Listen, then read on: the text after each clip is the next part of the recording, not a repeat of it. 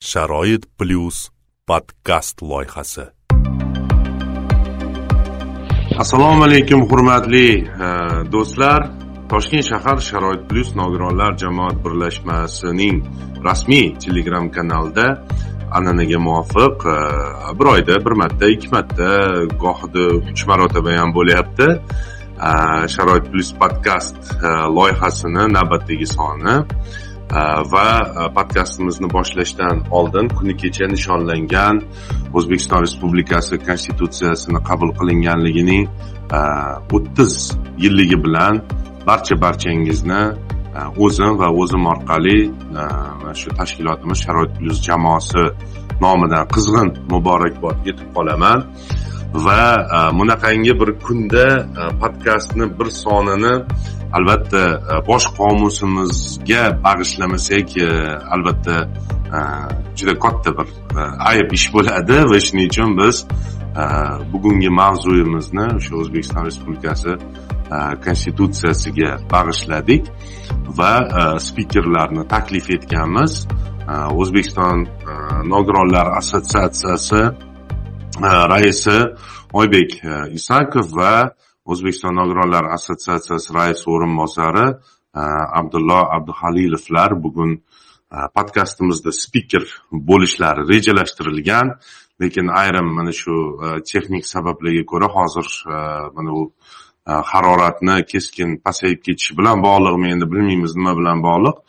Mana shu elektr ta'minotida bo'lib o'tayotgan uzilishlar sababli oybek aka hozir biz bilan bog'lana olmayaptilar. Lekin albatta e, qo'shilib olishga e, harakat qilaman deb aytyaptilar. E, shuning uchun biz endi vaqtimiz chegaralangan va mm, abdullo akani o'zlari bilan boshlab turamiz. Abdullo aka assalomu alaykum. Assalomu alaykum ulug'bek aka. Hammaga assalomu alaykum. Kattakon rahmat kattakon vaqt ajratib mana shu bizni podkastimizga qo'shilganingiz uchun va mana oybek aka ham hozir ulanishga muvaffaq bo'ldilar.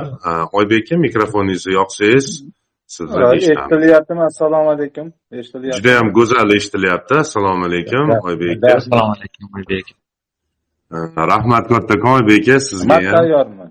bo'ldi. Demak bizada podkastimiz boshlandi va bemalol savol javoblarimizni boshlashimiz mumkin. Endi Э, hurmatli ustozlar э, sizlar albatta mana shu e, bu yilda e, bo'lib o'tayotgan o'sha o'zbekiston respublikasi konstitutsiyasiga e, o'zgartirishlar kiritilishi jarayonida qizg'in qatnashdinglar. Sababi o'zbekiston nogironlar assotsiatsiyasi bu nogironligi bo'lgan shaxslar tashkilotlarini bir hammasi yig'ilib mushka deydi. Musht deydiku mushtga aylangan bir e, shaklisila va mana shu tashkilotni e, bugungi kunda e, tashkilotda faoliyat ko'rsatib kelyapsizlar bevosita ishtirok etyapsizlar endi umuman dunyoda shunaqa mamlakatlar ham borki o'sha birinchi tahrirda qabul qilgan konstitutsiyasiga shu vaqtgacha umuman bir hech qanaqa o'zgartirish kiritmagan va kiritishi reja ham qilmayapti. Lekin e, ko'plab mamlakatlar bor davlatlar o'zlari qabul qilgan e, konstitutsiyalarini e, takomillashtirishga va uni o'sha inson huquqlarini to'la bir o'sha manfaatlarini hisobga olish maqsadida kerakli o'sha yengilliklarni qo'shib borishga harakat qilib keladi xalq bilan albatta yakdillikda endi bizda ham bu o'zgartirishlar e, o'ttiz yil ichida bir necha e, marta bo'lib o'tdi. E, va har safar e, qaysidir sabablarga ko'ra mana shu o'zgartirishlar jarayonlari bo'lib o'tadi. Va umuman jamoat tashkilotlari o'sha fuqarolik jamiyatini vakillari bevosita xalq ichidagi ya'ni mana shu xalqimizni ichida istiqomat qilib kelayotgan o'zini o'zbekiston fuqarosiman deb e, bir nima deydi tan oluvchi e, insonlarni faol insonlarni ziyoli qatlami ayniqsa ko'p ishtirok etdi bu jarayonlarda taklif berilish jarayonlarida oybek aka birinchi savolim sizga bo'ladi. Umuman e, sizni nazaringizda mana shu yildagi o'sha konstitutsiyamizga kiritilishi kerak bo'lgan o'zgartirishlarga qaysi sabablar olib keldi? Umuman siz mana huquqshunossiz shu huquqshunoslik nuqtai nazaringizdan kelib chiqib javob bersangiz. Marhamat. Assalomu alaykum hamma ishtirokchilarga. Avvalambor e, man o'ylaymanki konstitutsiyaga o'zgarish o'zgartirishlarni kiritish talab e, hayotimiz talabi bo'lib qoldi. Sababi bizada hozir hamma sohada e, islohotlar ketyapti. O'shaning uchun konstitutsiyaga o'zgartirish kiritish dolzarb masala bo'lib qoldi. Э, bu jarayonda o'zbekiston nogironlar assotsiatsiyasi chetda turgani yo'q. Biz yigirma oltitadan iborat takliflarimizni berganmiz. Shulardan bugungi kunda oltita taklifimiz e, konstitutsiya loyihasida aks ettirilgan. E, biz bundan xursandmiz. Konstitutsiyaviy komissiya e, nogironlar assotsiatsiyani faolligini inobatga olib bizaga minnatdorchilik xatini ham jo'natgan edi. Endi e, shu konstitutsiyaga qanaqa o'zgartirishlar kiritilgani bo'yicha man o'zimni qisqacha fikrimni bildirmoqchi edim. Birinchi o'zgartirish mana muqaddama degan e, moddaga kirildi kiritildi. Bu yerda aytilyaptiki xalqaro huquqning umumiy e'tirof etilgan normalarni ustuvorligini e'tirof etish bu bizlarga taalluqli sababi biz konvensiyani ratifikatsiya qilganmiz endi konstitutsiyada aytyaptiki xalqaro huquq umum e'tirof etilgan normalar ustuvorligini tan olyapti davlat. Ikkinchi katta o'zgarish bu e, konstitutsiyaga ijtimoiy adolat degan tushuncha kiryapti. Bu ham nogironligi bo'lgan shaxslarga taalluqli narsa. Lekin eng katta e, o'zgarishlardan bittasi bu birinchi moddaga kiritilgan e, qo'shimchalar bu yerda o'zbekiston suveren respublika huquqiy mana e'tibor beringlar ijtimoiy dunyoviy demokratik davlat. Nima yangilik qo'shilyapti? Ijtimoiy degan so'z qo'shilyapti. Demak bizani davlatimiz ijtimoiy degan e, tamoyilga asoslangan davlat bo'lib qolyapti. Yana e, o'zgarish eng katta o'zgarishlar endi o'ttiz to'qqizinchi moddaga kiritilyapti. E, bu yerda o'ttiz to'qqizinchi moddada aytilganki har bir shaxs e, mehnat loyihati har bir shaxs mehnat loyihati mehnat loyihasini yo'qotganda ishsizlikda nogironlikda shuningdek boquvchini mahrum bo'lganda va qonunda nazarda tutilgan boshqa hollarda ijtimoiy ta'minot olish huquqiga ega. Mana e'tibor beringlar bu yerda nogironlik deyapti. Nogironlik bo'lganda bu yerda aytilmayapti. Birinchi ikkinchi guruh. Nogironlik deyapti demak uchinchi guruh ham ijtimoiy ta'minot olish huquqiga ega bo'lyapti. Demak shu yerda oybek aka gapingizni bo'laman uzr so'rayman. Shu vaqtgacha umuman amalda bo'lgan o'zbekiston respublikasi konstitutsiyasida o'zi nogironlik degan so'z bo'lganmi oldin avvallari? Biron marta. Afsuski hozirgi konstitutsiyada e, nogironlik degan so'zi o'zi bo'lmagan. Shuning uchun bu o'zgarishlar bizlar uchun nogironlar uchun inqilobiy o'zgarishlar deb bilaman sababi nogironlik degan so'z umuman ishlatilmagan edi. Umumiy ishlatilgan kam ta'minlangan degan so'z ishlatilgan.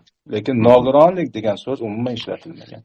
Yana e, konstitutsiyaga loyihasiga o'ttiz to'qqizinchi moddada aytilyaptiki pensionerlarning nafaqalarning ijtimoiy yordam boshqa turlarning miqdori rasman belgilab qo'yilgan eng kam iste'mol xarajatlardan oz bo'lishi mumkin emas. Aha. Bu ham jiddiy narsa bizlar uchun. Mhm. sababi sababi iste'mol xarajatlardan oz bo'lishi mumkin emas. Iste'mol xarajatlar hali ishlab chiqiladi. Unda ham biz mhm. faol qatnashamiz. Ana o'shandan kam bo'lishi mumkin emas pensiyalar deyilgan narsa. Ikkinchisi o'sha moddani yana davom ettiryapman. Davlat ijtimoiy jihatdan ehtiyojmand va kam ta'minlangan uy joy sharoitlarini yaxshilashga muhtoj bo'lgan fuqarolarni qonunda belgilangan tartibda uy joy bilan ta'minlaydi. Hozirgi konstitutsiyada uy joy bilan ta'minlaydi degan narsa umuman yo'q. Lekin mana loyihada davlat o'zini bo'yniga olyapti uy joy bilan ta'minlashga kam ta'minlanganlarni va ijtimoiy jihatdan ehtiyojmand fuqarolarni demak o'sha e, bir ming to'qqiz yuz to'qsoninchi yillarda qabul qilingan o'sha ijtimoiy himoya to'g'risidagi qonun bor edi u endi bekor bo'ldiku. O'sha yerda ayrim bandlarda mana shu uy joy masalalari bor edi lekin e, bu qonun endi bekor qilingandan keyin albatta o'sha biz uchun katta yo'qotish bo'lgan ayrim jihatlar nima deydi dolzarb ko'tarilib konstitutsiyaga kiritilish darajasigacha keldi shu kunda. Shunaqa baholasak bo'ladimi? Xuddi shunday baholasa bo'ladi. Man aytyapman e, hozirgi konstitutsiyada amaldagi konstitutsiyada davlat o'zini bo'yniga olmagan edi. Uy joy bilan ta'minlash bu bu loyihada esa davlat o'zini majburiyat qilib e, o'ziga olyapti shu majburiyatni. Yana e, davom ettiraman o'sha o'ttiz to'qqizinchi moddada yozilyaptiki davlat nogironligi bo'lgan shaxslarning huquq va manfaatlarini amalga oshirish uchun zarur teng sharoitlarni yaratadi. Mana qarang bu narsa umuman bo'lmagan. Bu hmm. yerda e'tirof etilyaptiki sharoitlar yaratiladi deyapti. To'siqsiz muhit degani to'siqsiz hmm. muhitni yaratishni ham davlat konstitutsiya darajasida o'zini bo'yniga olyapti hmm. yana muhimligi yana o'sha o'ttiz to'qqizinchi moddani davom ettiryapman nogironligi bo'lgan shaxslarga nisbatan har qanday ajratib qo'yish hisobga olmaslik chetlash cheklash shuningdek nogironligi bo'lgan shaxslarning obyektlar va xizmatlardan foydalanish uchun shart sharoitlarni yaratishdan bo'yin tovlash taqiqlanadi.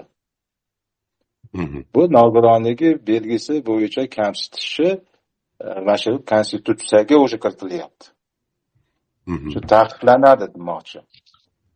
Nogironlik belgisi bo'yicha kamsitishi.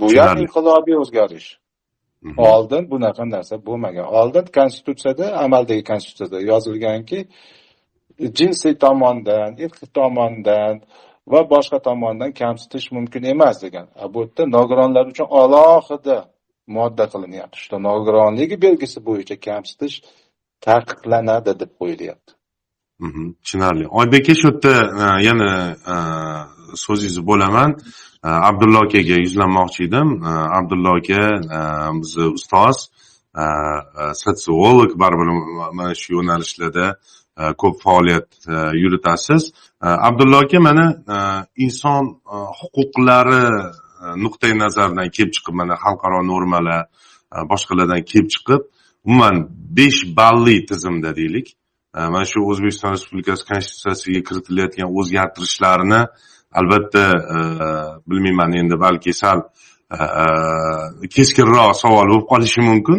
Nechi ballda baholaysiz masalan sizni nazaringizda olim sifatida mana shuni va o'zingizni izohlaringiz ya'ni inson huquqlariga qay darajada mos kelayotganini biroz sharhlab bersangiz. Avvalambor assalomu alaykum hammaga. Hammani o'tgan konstitutsiya kuni bilan man tabriklayman hammaga muvaffaqiyat tilayman.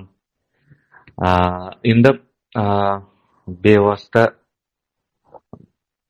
agar baho holatiga o'tadigan bo'lsak bu konstitutsiyani hujjat sifatida baholash indikatorlari deymiz ko'rsatkichlari fanda hali ko'rmadim.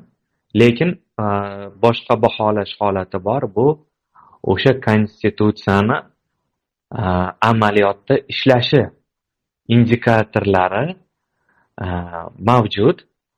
E, qanchalik u yoki bu davlatda konstitutsiya amalda ishlayapti degan indikatorlar nuqtai nazaridan agar yondashadigan bo'lsak bo'lsak mana hozirgi e, kundagi hozir kundagi konstitutsiyani e, amalda e, agar jahonda qabul qilingan indikatorlar nuqtai nazaridan o'lchaydigan bo'lsak uch yarim uch bahoga baholagan bo'lardi. Ya'ni u konstitutsiyani amaliyotda ishlashi konstitutsiyani amaliyotda qo'llanilishi. Lekin uni dinamikasi o'sib bormoqda. Lekin hozirgi qabul qilinayotgan o'zgarishlar ustoz aytib o'tganlaridek o'sha o'zgarishlar nuqtai nazaridan u qanday ishlaydi? U huquq huquqiy amaliyotda qanday bo'ladi?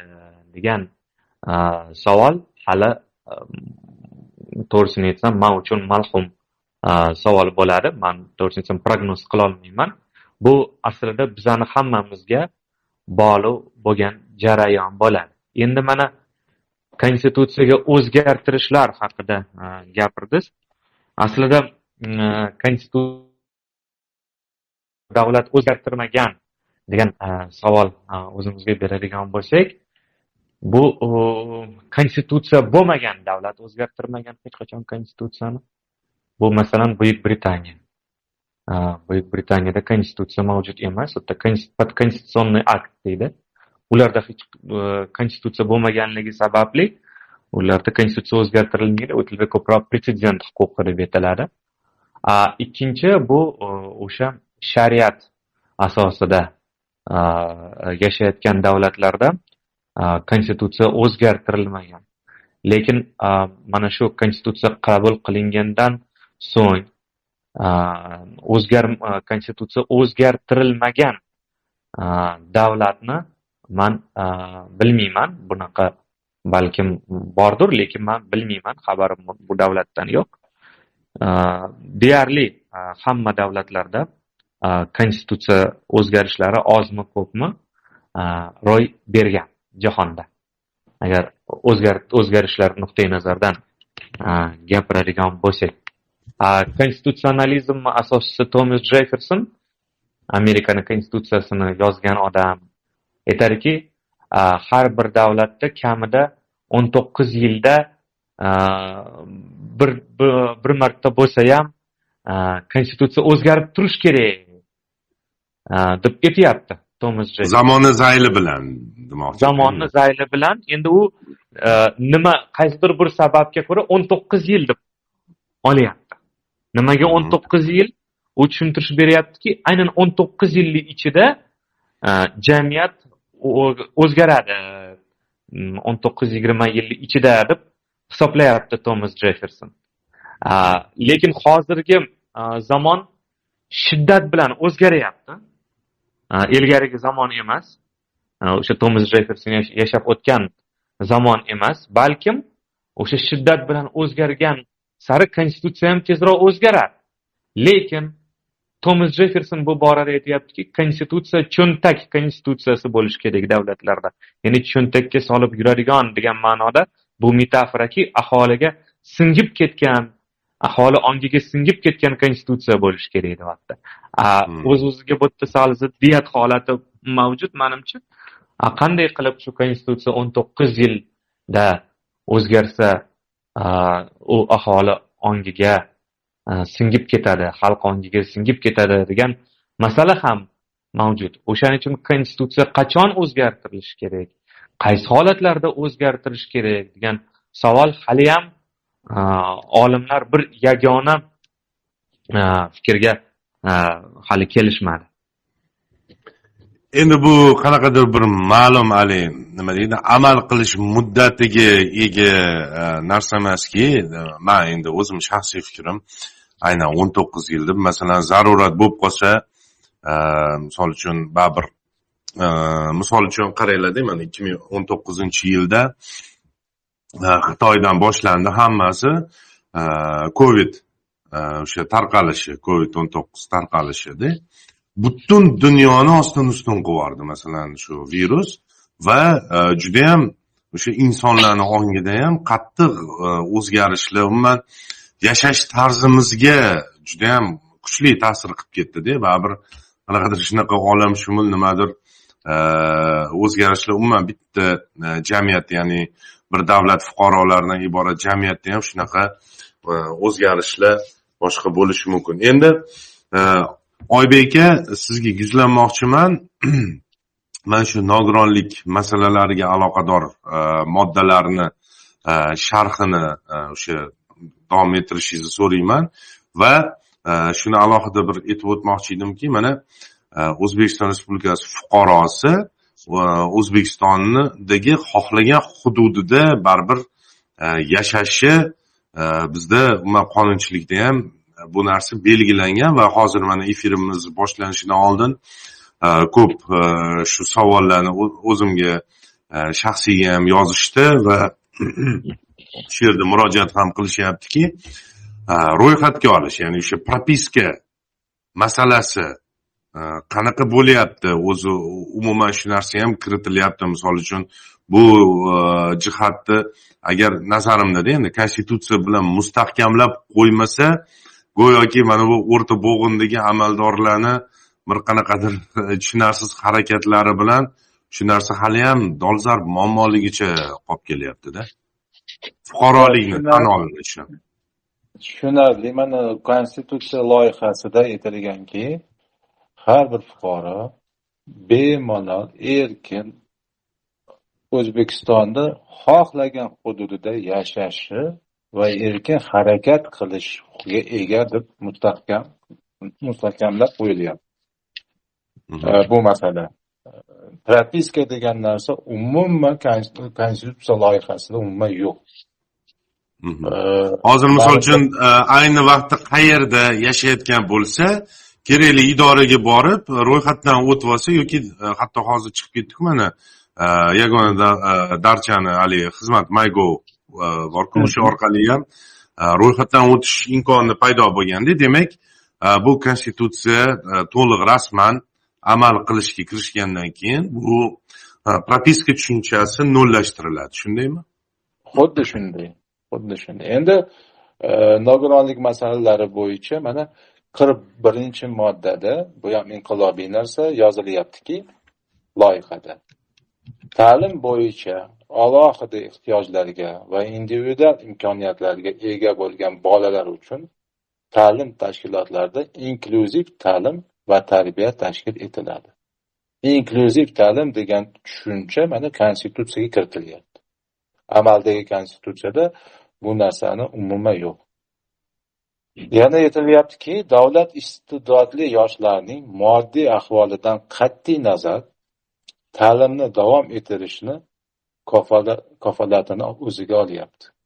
Misol uchun e, birorta nogironligi bor iste'dodli yosh bola e, chet elda o'qimoqchi lekin puli yo'q uni chet elda o'qishga. Mana konstitutsiyani loyihasi bo'yicha mana shunaqa holatlarda agar bu haqiqatdan iste'dodli bo'ladigan bo'lsa davlat kafolat olyaptiki uni o'qishini davom ettirishiga. Bu ham manimcha inqilobiy o'zgarish. Yana qirq beshinchi moddada yozilyaptiki loyihada davlat aholining ijtimoiy jihatdan ehtiyojmand toifalarning hayot sifatini oshirishga. Ularga jamiyat va davlat hayotida boshqa fuqarolar bilan teng ravishda ishtirok etish uchun shart sharoitlar yaratishga hamda ularning asosiy hayotiy ehtiyojlarini mustaqil ravishda ta'minlash imkoniyatlarini kengaytirishga qaratilgan chora ko'radi. Bu ham inqilobiy narsa. Biz e, doim aytamizki shu nogironligi bo'lgan shaxslar boshqa fuqarolar qatori o'zlarini huquqlarini amalga oshirishda teng sharoitlar bo'lishi kerakligini. Mana endi konstitutsiyada bu narsa mixlanib qolyapti. qirq beshinchi moddada. Yana e, o'zgartirishlardan bittasi bu e, to'qson beshinchi moddaga vazirlar mahkamasini e, vakolatlari degan moddaga yettinchi bandi e, loyihada shunday aytilyapti. Ijtimoiy himoya qilish shu jumladan nogironligi bo'lgan shaxslarni ijtimoiy himoya qilish tizimining faoliyat ko'rsatishini ta'minlaydi. Mana konstitutsiya bilan vazirlar mahkamasiga mana shu majburiyatni yuklab qo'yyapti ijtimoiy ijtimoiy himoya qilish shu jumladan nogironligi bo'lgan shaxslarni ijtimoiy himoya qilish tizimining faoliyat ko'rsatishini ta'minlaydi. Biz aytardik bizada yagona bir davlat tashkiloti yo'q nogironlik bilan shug'ullanadigan. Shu narsalarni bizlarni eshitib endi vazirlar mahkamasi bo'yniga qo'yilyapti bu narsa. Bu ham juda inqilobiy E, o'zgarish sababi vazirlar mahkamasi eng yuqori tashkilotlardan bittasi. E, mana shu e, o'zgartirishlar kiritilgan. Endi biz umumiy olganda nafaqat nogironlar masalasi fuqarolik jamiyatiga tegishli masalalarga ham o'zimizni takliflarimizni berganmiz. Hammasi bo'lib ellik bitta taklif berganmiz. O'shalardan yigirma oltitasi nogironlik masalalari bo'yicha. Endi ellik bitta taklifdan hozirgi kunda bizani e, to'qqizta taklifimiz konstitutsiya loyihasida aks ettirilgan aha kattakon rahmat. To'qqizta taklifdan oltitasi nogironlik masalasiga aloqador va uchtasi umum jamiyat e, fuqarolik jamiyati. berilgan. Fuqarolik jamiyati misoliga aytmoqchimanki bittamiz fuqarolik jamiyati bo'yicha mhm. jamoat nazorati miqlanib qo'yilgan. Bu yoqda aytilyaptiki e, fuqarolik jamiyati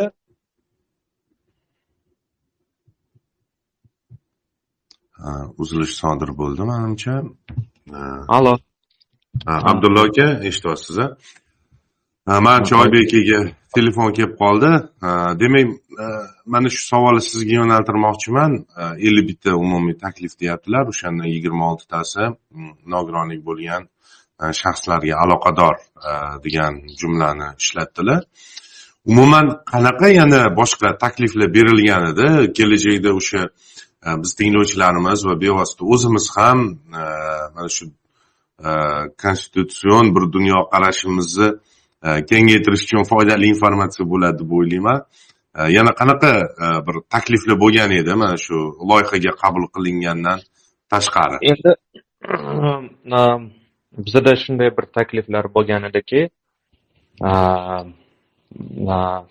ya'ni sudlov tizimiga tegishli bo'lgan taklif bo'lgan edi bu доступность к правосудию deydi rus tilida ya'ni sudlov tizimi barcha uchun to'siqsiz yaratilishi kerak degan norma kiritilishi lozim degan taklif berilgan edi. Esingizda bo'lsa nogironligi bo'lgan shaxslar huquqlari to'g'risidagi qonunga ham o'sha loyihaga berganmiz. Shu takliflarni va u yerda ham olinmagan edi. Ha. Eslaymanda shu narsani. Ha chunki bu bu taklif nafaqat bu taklif o'sha hozirgi paytda yangi protsessual kodeks ham ishlab chiqilyapti o'sha taklifga o'sha o'shanga ham berilgan edi ya'ni to'siqsiz sudlov tizimini yaratish bu degani nima degani bu degani masalan aytaylik ko'zi ojiz inson sudga murojaat qildi yoki u sudda ishtirok etyapti u masalan diktofondan foydalanishi foydalanishi sud sudyaning ixtiyorida hozirgi kunda. Aytaylik sudya mayli foydalansin desa e, ko'zi ojiz odam foydalana olmaydi diktofondan yozib olish uchun jarayonni u unga qurolku bu? E, to'siqsiz muhitni ta'minlaydigan vositaku bu to'siqsiz sudlov tizimi degani masalan u ko'zi ojiz inson aytaylik diktofondan sud jarayonini yozib olish uchun sudyadan ruxsat olishi kerak emas uni o'zini o'zida mana shu huquq beriladi degan jihat muhrlanishi kerak edi protsessual kodeksda mana shu yoki mana masalan o'sha zaif eshituvchi insonlarga surda tarjimonni kim taklif qiladi qanday bo'ladi bu jarayon yoki mana masalan harakatlanishida nuqsoni bo'lgan inson sud sudga keldi sud ikkinchi qavatda u sudda xohlagancha ishtirok etolmayapti chunki o'sha ikkinchi qavatga ko'tarila olmayapti mana biza shunday bir taklif kiritganmiz o'sha sud to'siqsiz sudlov tizimini uh, konstitutsiya uh, moddasiga uh, kiritish taklifini berdik. Yana biz biz bergan yana bir muhim takliflardan o'tdi manimcha bu taklif. Chunki ko'rdim o'n uchinchi moddasida shunday bir jihat bor. Endi ilgari yo'q edi u jihat agar qonunchilikda qanaqadir tushunarsiz holat bo'lsa ziddiyatli holat bo'lsa o'sha holat insonni foydasiga hal qilinishi lozim degan norma kiritildi. Ya'ni qandaydir bir ziddiyat bor. Va o'sha ziddiyat yo insonni foydasiga bo'ladi yo qaysidir bir strukturani foydasiga bo'ladi tuzilmani foydasiga bo'ladi. Va insonni foydasiga bo'ladi degan taklif bo'lgan edi. Ya'ni agar qandaydir bir ziddiyat bo'ladigan bo'lsa. Shu bilan birga shunday bir mm, e, yana e, taklif berilgan edi oybek aka tomonidan. Bu e, haligi aybi isbotlanmagan holatda hali sud jarayoni ketyapti ya'ni aybi isbotlanmagan holatda ayblanuvchi foydasiga hal qilish masalan hal qilish qaysidir bir qonun jihatlari nuqtai nazaridan mana shu norma ham kiritilgan edi. Yana bizani e, e, bergan muhim bir e, takliflarimizdan biri ayniqsa oybek akam buni ko'p gapiradilar hozir qo'shilgan bo'lsalar o'zlari ham to'ldirishlari mumkin bo'ladi. Mana bizada nodavlat notijorat tashkilotlari deb aytiladi butun dunyoda agar jahon tajribasini oladigan bo'lsak nodavlat notijorat tashkiloti degan iborani o'zi yo'q. Xuddiki biz davlatdan tashqaridagi qaysidir bir tashkilotmiz. Ba'zi birlar nodavlat tashkilot deb tushunadigan bo'lsa xuddiki davlatga qarshi bo'lgan tashkilot deb tushunilishi ham mumkin bo'layapti. Va o'shanda biz taklif berilyaptiki nohukumat tashkilotlari deb e, atalishini. Ya'ni nodavlat emas nohukumat. Xuddi ingliz tilida ham non government organization deb aytiladi. E, non state organization deb aytilmaydiku. E, va biz shunday taklif berdikki nodavlat emas nohukumat tashkiloti deb atalishini taklif berdik. Yana bir muhim berilgan takliflardan biri.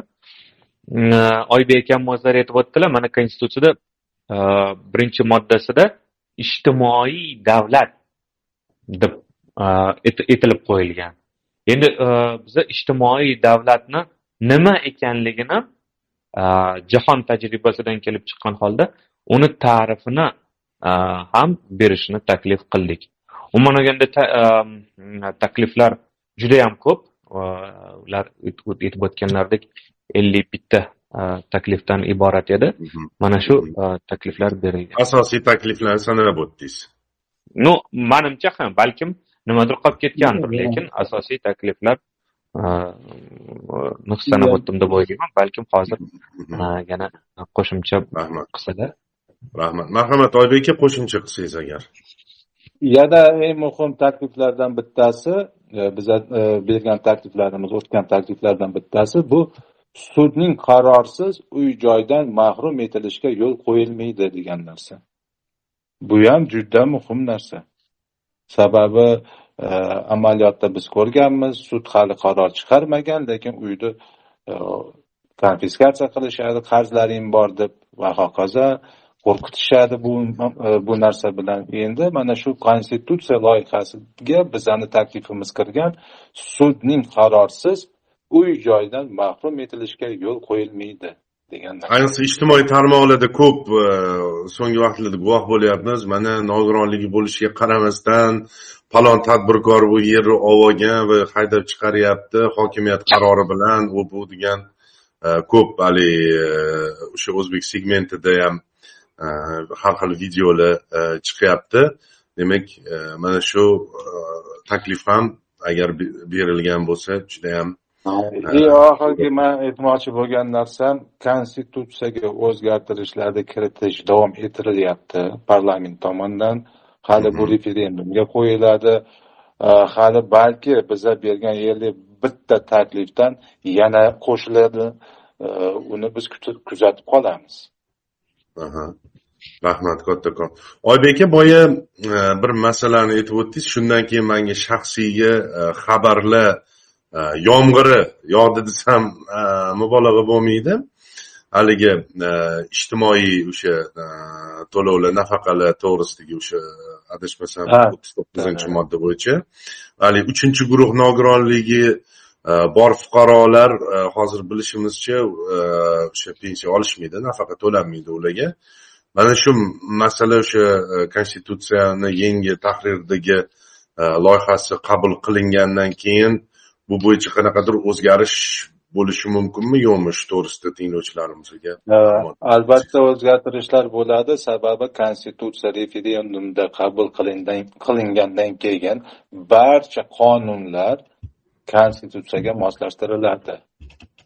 Hozirgi hozirgi loyihada aytilyaptiki nogironlarga ijtimoiy ta'minot olish huquqiga ega. Nogironlar ijtimoiy ijtimoiy ta'minot olish huquqiga ega deyapti. Nogironlar degan so'z bu yerda aytilmayapti. Birinchi ikkinchi guruh faqat.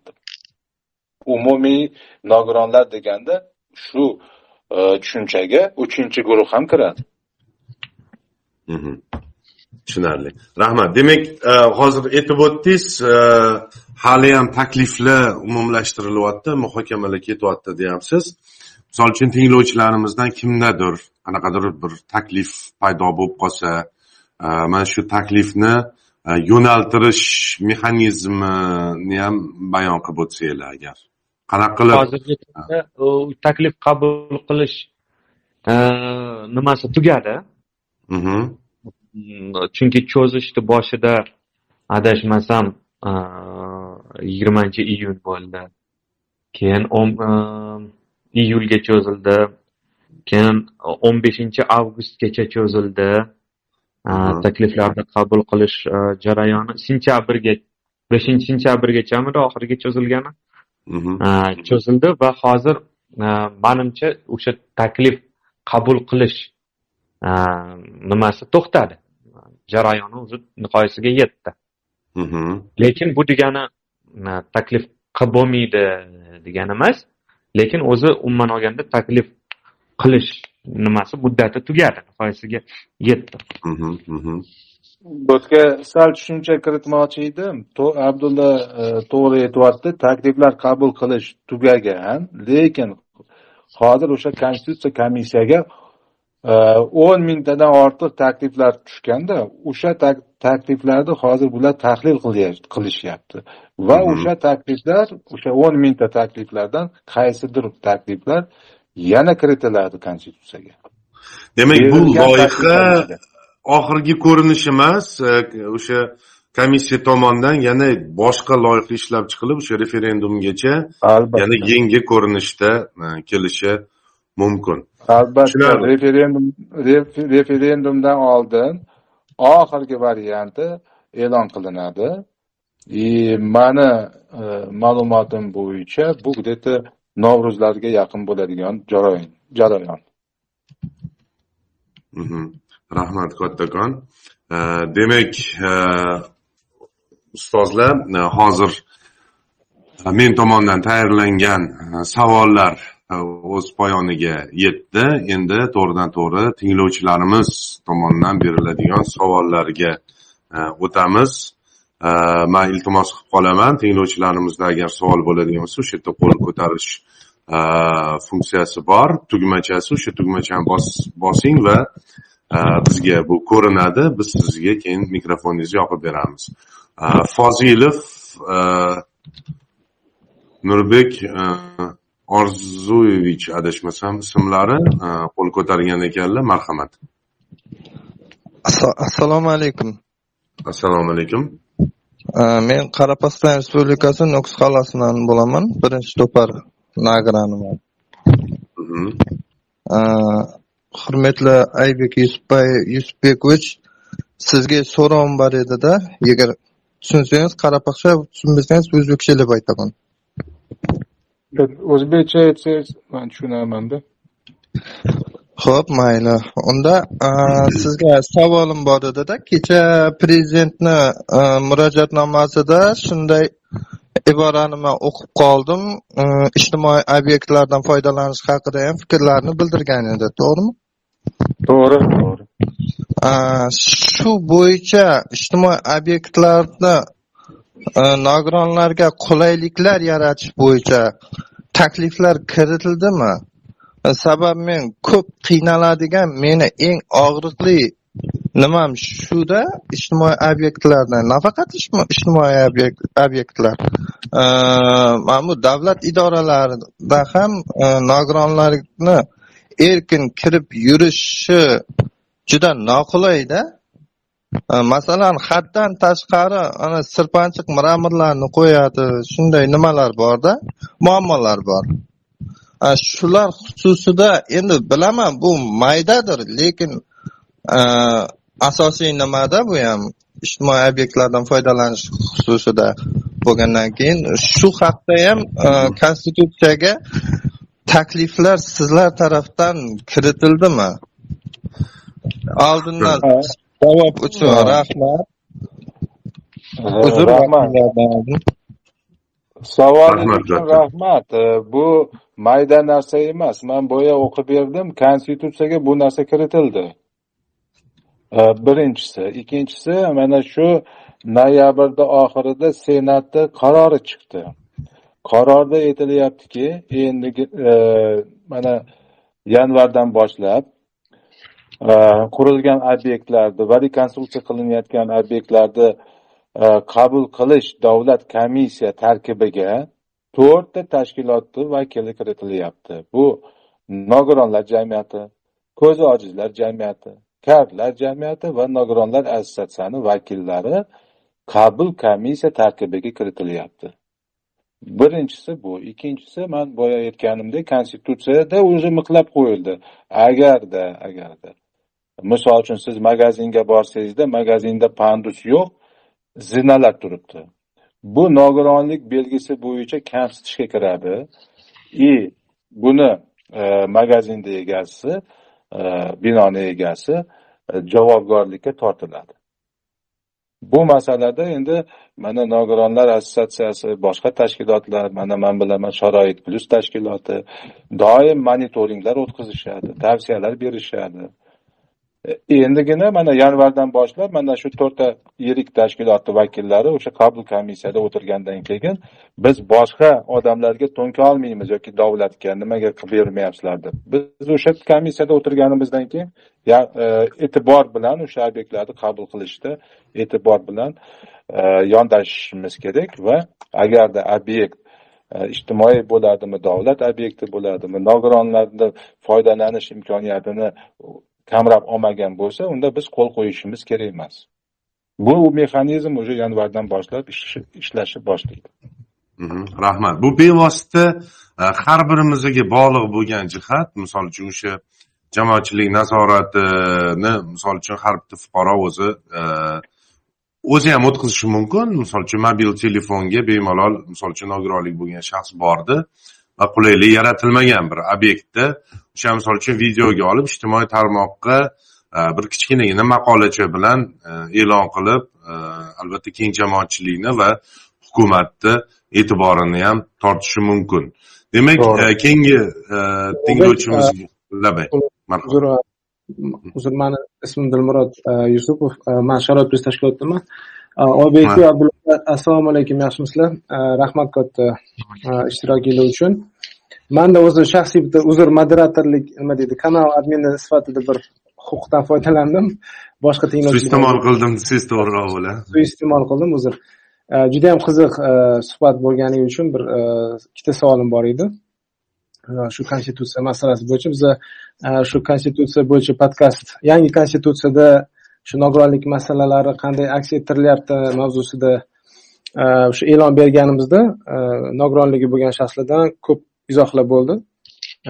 Man umumiylashtirib aytaman ko'plar mana qonunchilikka ishonmaydida ya'ni e, to'qson birinchi yildan boshlab nogironlarni ijtimoiy himoya qilish qonuni bo'lgan keyin hozir mana nogironlik bo'lgan shaxslarni huquqlari to'g'risidagi qonun.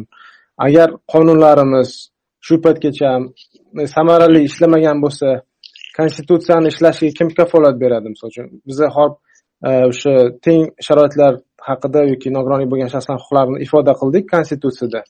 Qanchalik konstitutsiya o'zi ishlaydi kelajakda? Bu birinchisi edi. Ikkinchisi e, hozir mana go'zal e, imo tili tarjimoni ham o'tiribdilar bu yerda. E, ulardan bir yaqinda so'ragandim. Konstitutsiyamiz mana hozir eski konstitutsiyamiz o'zi imo tiliga tarjima qilinganmi desam yo'q tarjima qilinmagan.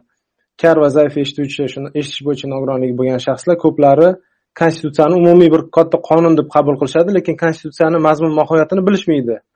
Qanchalik nogironligi bo'lgan shaxslarni o'zligisi bu konstitutsiya haqida xabardor yoki o'qib ko'rganmi? Shu ikkinchi savolim. Rahmat katta endi birinchi savolga keladigan bo'lsak to'g'ri e, endi barcha fuqarolar mana shu konstitutsiya e, yaxshi bo'lgani bilan ishlarmikin bu konstitutsiya degan savollarni to'g'ri qo'yishyapti. Shuning uchun mana shu konstitutsiya loyihasida yozilyaptiki konstitutsiya to'g'rima to'g'ri qonun mexanizmga ega bo'ladigan hujjat deyapti. То есть документ прямого действия bu bu degani kutib o'tirish kerak emas qachon konstitutsiyaga moslashgan qonun chiqishini konstitutsiyada yozildimi bu to'g'rima to'g'ri ishlaydigan hujjat bo'ladi. Bu bizlarga qanaqadir ehm, anaqa beryaptiki ehm, что bu konstitutsiya to'g'rima to'g'ri ishlaydigan bo'lgandan keyin biz to'g'rima to'g'ri e, talab qilish imkoniyatiga ega bo'lamiz. Endi e, surda tarjimaga e, konstitutsiya tarjima qilinmagani bu avvalambor man o'ylaymanki bizlarni aybimiz o'zimizni. O'zimiz qilishimiz kerak edi shu narsani. Kim bunga xalaqit beryapti? Yangi konstitutsiya loyihani ham misoliga e, surdaga surda tarjimaga e, qilish mumkin. Buni misol uchun e, shu eshitishda zaif bo'lgan nogironlarda aktivligi bo'lishi kerak bu yerda deb o'ylayman. Demak e, keyingi tinglovchimizga so'z beramiz. Sherzodbek ismli tinglovchimiz marhamat. Sherzodbek ulug'bek assalomu alaykum oybek yusufbekovich assalomu alaykum yaxshimisizlar assalomu alaykum man tashpo'latov sherzod ismoilxonovich sakson uchinchi yilda tug'ilganman ikkinchi guruh nogironiman aka savolim quyidagi o'zim eh, propiska bo'yicha yunusobodda turaman aka. Qarindoshimizni uyida aslida o'zim chilonzorda mana qatortolda besh yil olti yildan beri shu yerda ijarada общежитияda turamiz.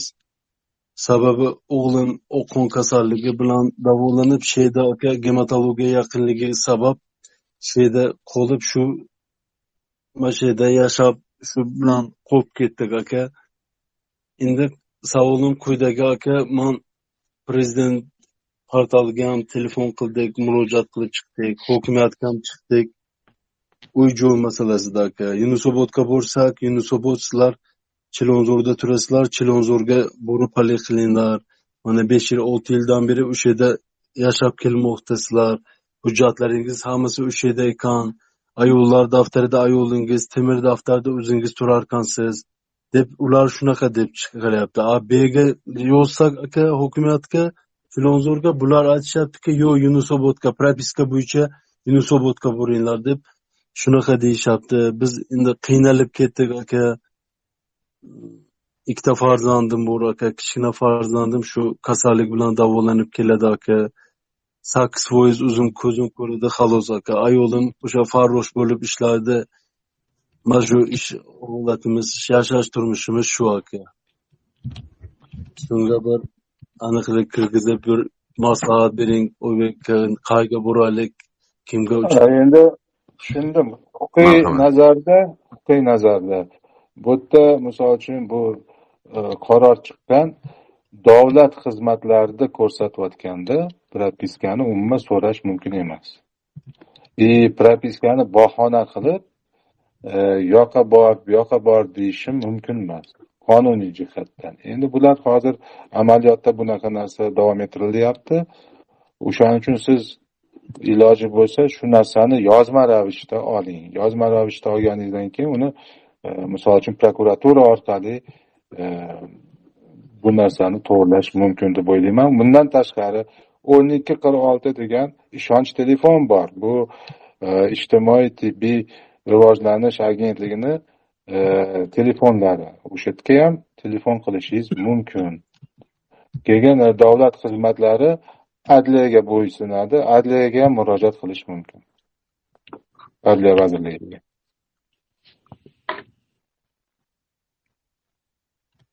Mhm, tushunarli. Kattakon rahmat demak abdulloh ismli tinglovchimizda savol bor ekan qo'l ko'tardilar va manimcha bu oxirgi savol bo'ladi. Marhamat abdulloh. Assalomu alaykum hurmatli mana shu bizni kuzatib turgan obunachilar. Bizga yordam bermoqchi bo'lgan ko'ngillilar. Hammalaringga assalomu alaykum deb qolamiz.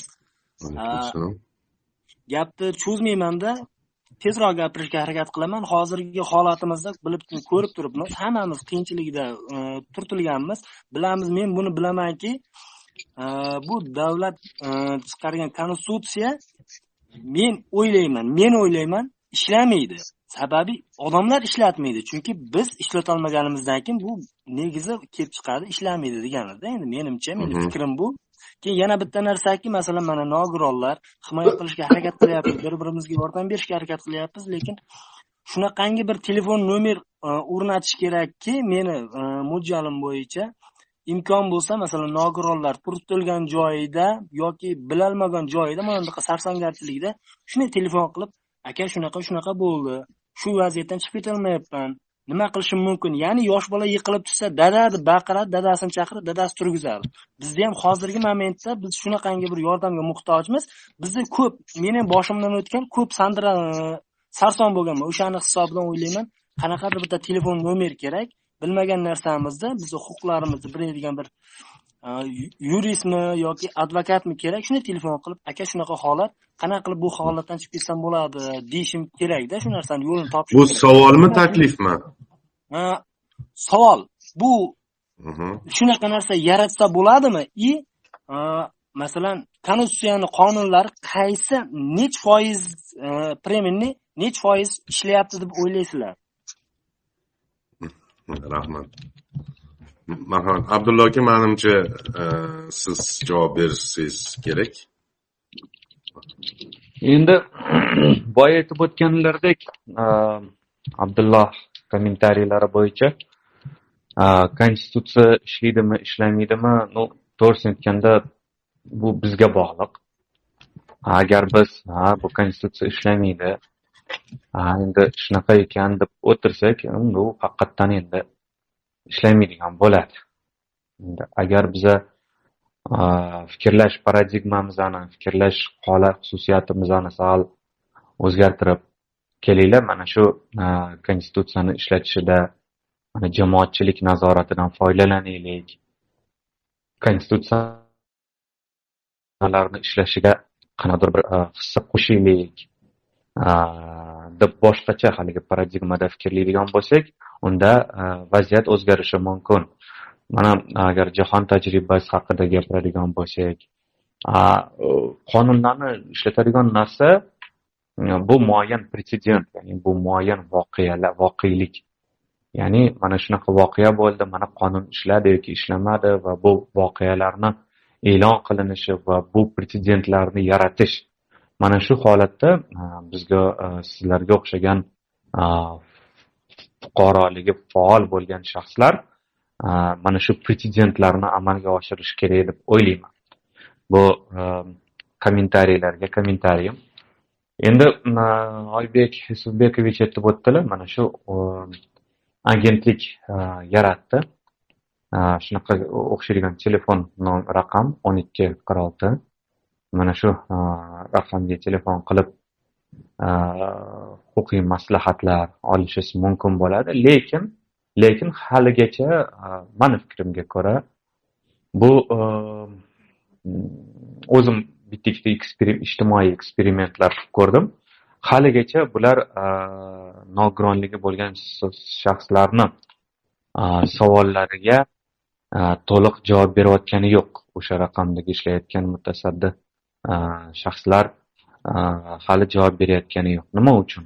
Berayotgani yo'qmi yoki berolmayaptimi? Aniqlik kiritib o'ting berolmayapti. Ya'ni talabimizni qondirayotgani yo'q man o'zim bilgan ba'zi bir huquqiy normalar bo'yicha ataylabdan eksperiment qilib savol berdim. Sizga telefon qilib yuborishadi biza yuristlar bilan maslahatlashib boqaylik mana shunaqa javoblar bilan ular cheklandi. O'sha o'n ikki qirq o'sha to'rt marta telefon qilib qilgan ijtimoiy eksperiment ham hisoblanadi nima uchun bunaqa tendensiya? Tendensiya shunaqaki ularda nogironligi bor jamoat tashkilotlari bilan haligacha yaxshi aloqa qo'yilmaganligi. Agar masalan o'sha ular masalan bir ulug'bek akani konsultatsiyaga olib kelsa oybek akani konsultatsiyaga olib borsa va yoki biz o'sha ishlashini ko'rib yordam bersak ularga vaziyat sal o'zgargan bo'lardi. Lekin ijtimoiy sheriklik deyarli mavjud emas. O'n ikki qirq olti nomer bilan bu ijtimoiy tibbiy agentligini yaratgan nomer ya'ni mana shu telefon raqamini yaratish g'oyasi bor bor va u amalga oshirilgan desak ham bo'ladi. Lekin haligacha u o'sha nogironligi bo'lgan shaxslarni huquq huquqiy ijtimoiy ehtiyojlarni qondirishga hali ancha ancha bor ularga. Ishlashimiz kerak bu borada. Va man xohlardimki mana shu podkastda o'tirgan barcha faol bo'lgan fuqarolar o'zinglar ham bir agar ehtiyojinglar bo'lmasa ham bir telefon qilib gaplashib o'zinglarni eksperimentinglarni qilib ko'ringlar. Qanchalik mana shu pretsedentlar ular borasidagi pretsedentlar ko'payadigan bo'lsa o'shandagina ular o'ylab ko'radiki kelinglar samarador ishlaylik bir narsa qilmasak bo'lmaydi nogironlardan savol ko'payib ketyapti. Nogironligi bor shaxslar talab qilyapti bu narsani degan holatni yuzaga keltirishimiz kerak mana shu o'n ikki qirq olti raqamga endi uchinchi abdullohga bergan savollari endi nechi foizi konstitutsiyadagi nechi foiz normalari ishlaydi. Manimcha bu savolga agar ilmiy yondashadigan bo'lsak hech kim bunaqa bir javob javob bera olmasa kerak. Uni qanday o'lchab ko'rishi ham masala qaysi normaga qaysi norma haqida gapiryapsiz? Masalan bo'lishi mumkin. Yoki inson huquqlari normasiga nuqtai nazardan normalarigami yoki ijtimoiy iqtisodiy huquqlar normalarigami ya'ni qaysi jihatdan so'z boryapti va buni foizini manimcha sizga hech kim mana o'ttiz foiz ishlayapti yoki ellik foiz yoki oltmish foiz deb aytishimiz mumkin. Qaysidir bir raqamni osmondan olib lekin bu real raqam asoslab berish kerak bo'lib qoladi. Ha asoslab berish kerak bo'lib qoladi va bu real raqam bo'lmaydi tushunarli. Rahmat kattakon. Demak vaqtimiz o'z poyoniga yetib bormoqda. Va bugungi uzr gapingizni bo'ldim. Go'zal qo'llarini ko'targandilarda man ularga mikrofonlarni yoqib bergandim. Rahmat. Assalomu alaykum hammaga. Anchadan beri kutib turuvdim. Assalomu alaykum ulug'bek mamatxonov. Oybek aka abdulla aka boshidan beri tinglab kelyapman mana zo'r mavzu ko'tarildi ayniqsa konstitutsiya haqida boya aytmoqchi bo'lgan edim dilmurod yusuf gapirdilar haqiqatdan ham bizdagi eshitish bo'yicha nogironlar karlar konstitutsiya nima ekanligini bilishmaydi bu haqida umuman xabari yo'q ular sakkizinchi dekabr umumiy qonun qonunsiz kun deb bilishadi va bu konstitutsiya haqidagi ko'proq ommaviy axborotlarda yoritib borilsa so'zi tarjimon tili bilan yoki imoshora deydi. Ya'ni imoshora til tarjimoni bilan yoritib borilsa yaxshi bo'lardi. Yana bitta taklifim shundaki bizda maktablarda asosan kollej ham bor bitta kollej tashkil qilingan и maktablarda huquq fani yo'q. Huquq fanida hech kim dars bermaydi. Shuning uchun bolalar o'zini huquqlarini hattoki kelajakda bo'layotganda oila qurayotganda ham o'zlarini huquqlarini bilmaydi. Buni surda tarjima orqali bilib qanaqa haq huquq borligini tushunib talab qilish uchun kerak bo'lganda murojaat qilinadi va biz shu haqda yo'naltirib yoki yurist orqali yoki advokat orqali murojaat qildirtirib ularni takliflarini yoki savol murojaatlarini o'rganib chiqib javob beramizda o'zim ham yurist sohasida o'qidim. Aynan qiziq bo'lgani uchun chunki bu sohada ko'p sudma sud yoki ruvdiligi ham borganimizda ular bilmaydi hattoki qayerga nima qilib murojaat qilishni ertalab turganimizda xudoga shukur biz sog'lommiz eshitamiz gapiramiz. Ular esa ertalab turishi bilan qayerga nima qilishni qayerga borishni bilishmaydi. Va через e, mana shu aytganimdek imoshura til tarjimoni orqali murojaat qilib mana shunaqa e, gap bo'lyapti oilada. Mana bunaqa bo'lyapti nima qilay nima qilib aytolmaysan maslahat ber yoki yo'l yo'riq ko'rsatsak, biz e, yo'l как vositachi sifatida ko'rsatamiz ularga. Yo'l yo'riq ko'rsatib shu ish jarayonlarini tushuntirib beramiz. O'shaning uchun aytmoqchi bo'lganim agar shu e, sohada ko'proq ommaviy axborotlarda maktablarda targ'ib qilinsa yaxshi bo'ladi. Bu takliflaringiz uchun rahmat. Rahmat. Rahmat takliflar uchun. E, albatta bu yo'nalishda ham e, faollarimiz bir harakat boshlashga intilishadi va podkastimiz vaqti chegaralangan sababi misol uchun abdullo akani bugun o'zi darslari bor edi zo'rg'a to'g'risini aytsam shu imkon topdik va man kafolat bergan edim soat to'rtda tugaydi deb o'shaning uchun endi bugungi podkastimizni hozircha yakunlaymiz lekin bunaqa uchrashuvlarni man hozir kuzatyapmanda bugun endi mavzuyimiz cheklangan konstitutsiyaga aloqador mavzuni ko'targanmiz Э, va o'ylaymanki umumiy mana shu savol javob huquqiy э, sohadagi savol javoblar podkastini ham bir uyushtirishimiz kerak ekan spikerlarimiz bilan birga. Va bu masalani ham bir muhokama qilamiz. Endi podkastimiz so'ngida e, man iltimos qilib qolardim. E, Oybek aka va abdulloh aka e, tinglovchilarimizga tilaklaringiz bo'lsa bildirib o'tsangiz marhamat. Э, mani tillagim avvalambor biz hammamiz sal pal optimistik nuqtai nazarda qarashimiz kerak. Hozir imkoniyatlar vaqti. Mana shu imkoniyatlardan biz foydalanishimiz kerak. Mana bitta misol. Ellik bitta e, taklif berdik konstitutsiyaga. To'qqiztasi o'tdi. Qaysi e, vaqtda bunaqa narsalar bo'lgan? Даже tushimizga kirmagan. Что bizani takliflarimiz konstitutsiyaga o'tishiga biz biz optimistik qarab o'z o'zimizni ustimizda ham ishlashimiz kerak. Yana bir bor qaytaraman. Haq berilmaydi haq olinadi. Rahmat.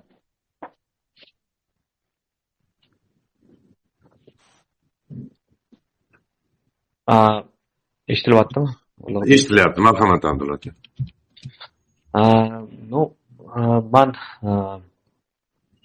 o'sha hamma fikrlarga takliflarga qo'shilaman.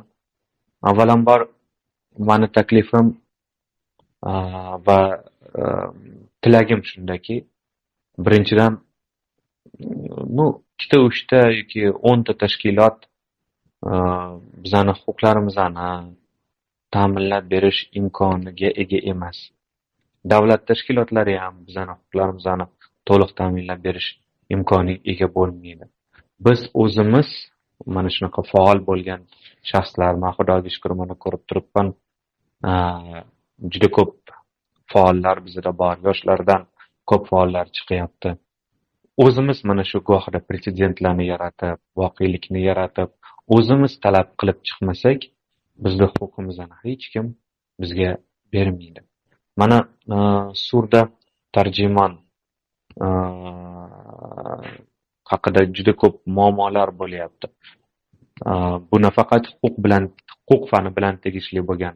Masalan haligacha zaif eshituvchilar maktabida ingliz tili darsi berilmasligi. Buyam buyam juda katta muammo e'tibor beringlar maktablarda maktabdan keyin ular balkim oliy o'quv yurtiga kirishni xohlaydi lekin ingliz tili topshira olmaydi mana shu masalalarni biz ko'tarib chiqib har xil shunga o'xshagan podkastlar qilib maqolalar e'lon qilib internetlarda ko'proq nogironlik mavzusini yoritadigan bo'lsak ana o'shandagina bizani huquqlarimiz ta'minlanadi va o'ylaymanki turmush sifatimiz yaxshilanadi. Yana bir muhim aytmoqchi bo'lgan gapim shundaki biz huquqlarni ishlaydi yoki ishlamaydi nimaga ishlamaydi deyishdan ko'ra qani ko'raylik ishlatib ko'raylikchi. Nima bo'larkan qanaqa natija bo'larkan u qanaqadir foyda keltirarmikin hozirgi kunda? To'g'ri birdaniga foyda keltirmaydi uinston cherchill hukumat tepasiga kelganda bir gapni aytgan ekanki bilasizlarmi man sizlarga e, birdaniga katta muvaffaqiyatlarni olib kelmayman. Man sizlarga ter ya'ni qachon inson terlaydi ko'p ishlasa ter va ko'z yoshlarni olib kelaman degan ekan. Chunki biz o'zimizni huquqlarimizni kelajakdagi avlod huquqlarini ta'minlash uchun hozirgi avlod o'zi ustida ishlash kerak va o'zi huquqlarini talab qilib chiqish talab chiqishi kerak deb o'ylayman. Hammaga muvaffaqiyat sog' salomat bo'linglar hayotinglar farovon bo'lishini tilab qolaman. Rahmat kattakon. Demak podkastimiz o'z nihoyasiga yetdi. Bugungi mehmonlarimiz o'zbekiston nogironlar assotsiatsiyasi raisi oybek isakov va e, rais o'rinbosari abdullo abduhalilovlar ustozlarimiz bo'lishdi. E, sizlarga ham o'z faoliyatinglar doirasida e, muvaffaqiyatlarni tilab qolamiz va hamisha mana shu nogironlik bo'lgan shaxslarni manfaatlarini himoya qilish jarayonidagi qilayotgan mehnatlaringiz besamar bo'lmasligini tilab qolamiz. Keyingi podkastlarimizda g'oyibona uchrashguncha xayrlashib qolamiz. Sog' bo'ling salomat.